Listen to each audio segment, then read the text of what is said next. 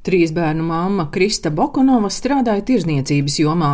Kad bērni bija paaugušies, viņa nolēma, ka pienācis laiks dzīvē kaut ko mainīt un mācījās vienā no pirmajām stipendiju programmām šī Goals Tech.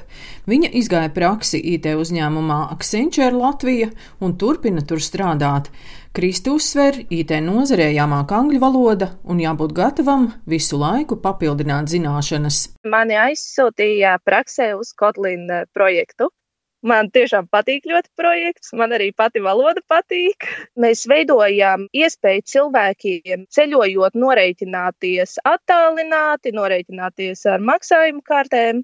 Mēs rakstām to kodu, lai atvieglotu cilvēkiem eh, pārvietošanos ar transportu. Un man patīk tas, ka viņi izmanto tiešām pašas jaunākās tehnoloģijas, ko tieši IT nozare var piedāvāt cilvēkiem. Man nav ne mirkli šaubas, ka es palieku šajā pašā jomā. Man viņa tiešām ir ļoti interesanta, lieliski padodas un pašā uzņēmumā strādājot, pavērs diezgan daudz plašas iespējas attīstīt sevi īstenībā ne tikai programmēšanā, bet arī citās nozarēs. Šobrīd eh, mums ir iespēja strādāt no mājām, var paralēli kaut ko redzēt, kas notiek arī mājā, tai pašā laikā būt ar pilnatdevi darbā.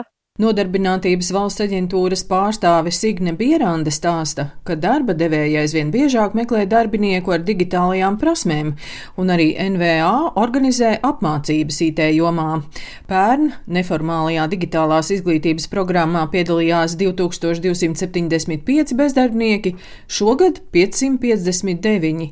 Par to, cik nepieciešami ir IT speciālisti, liecina arī brīvās darba vakances un lielās algas. Programmētāju algas ir no 3558 eiro, sistēma analītiķis ir 4000 eiro, informatīvo sistēmu projektētājs 6500 eiro un datorgrafiķis 3000 eiro.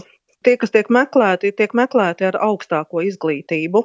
Pieprasījums pēc digitālajām prasmēm šobrīd aizvien straujāk ienāk arī vienkāršajās profesijās, piemēram, pārdevējs. Viņam arī vajag šīs zināšanas, lai strādātu, piemēram, veikalā ar kasi, ar uzskaitas sistēmām, ar atskaišu sistēmām. Visbiežāk darba devēji norāda, ka profesionālos pienākumus, lai veiktu, ir nepieciešams šīs datorprasmes lietotāja līmenī, kā arī zināšanas darbā ar Microsoft eh, Office. Laura Aksika līdz pandēmijai strādāja turisma jomā. Viņa bezdarba periodu izmantoja, lai stipendiju programmā šī gaus teh mācītos SAP analītiku un vērtēja, ka IT joma arī pēc pandēmijas būs viņas pamatdarbs.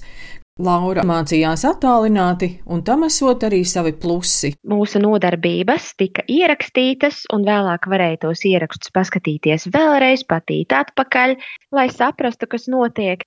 Tie bija trīs vakari nedēļā pa trim stundām, plus vēl katra otrā sestdiena pa sešām stundām.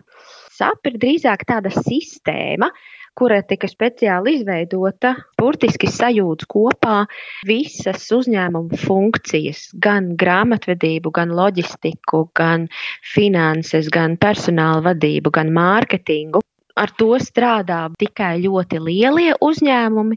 Mācības notika angliski, un arī šobrīd Es strādāju ar komandu, kura lielākoties ir bāzēta Austrijā, un tad mēs komunicējam angliski. Lielākais pārsteigums bija tas, ka man tiešām iepatikās programmēt, un es tiešām labprāt turpinātu šajā jomā savu turpmāko profesionālo darbību.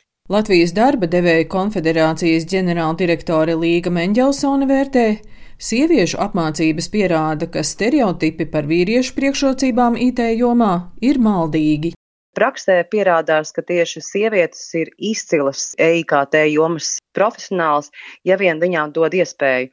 Protams, mēs arī sadarbojamies un arī mudinam un veicinām gan Accenture, gan arī citus lielos milžus un augst līmeņa profesionāļus. Šie uzņēmumi būs ļoti svarīgi tajā procesā, ko mēs saprotam ar mūža izglītību. Protams, jomas profesionāļi izvirza priekšplānu no datu bāzes, tīklu speciālisti, programmētāji, lietojumu programmu veidotāji. Tajā pašā laikā, lai mēs patiesi varētu teikt, ka mums digitālā transformācija, digitālā pratība ir plaši pielietota, tad tieši MVU mazās un vidējā sektorā ir ļoti daudz vēl iespēju, kā veidot savu produktu, produktu atpazīstamību, kā radīt inovāciju šajā jomā. Pēc ekonomikas ministrijas prognozēm informācija tehnoloģija joma būs nozare ar lielāko pieaugumu nākamos piecus gadus, un nozarē būs nepieciešami dažādas kvalifikācijas speciālisti. Daina Zalamane, Latvijas radio.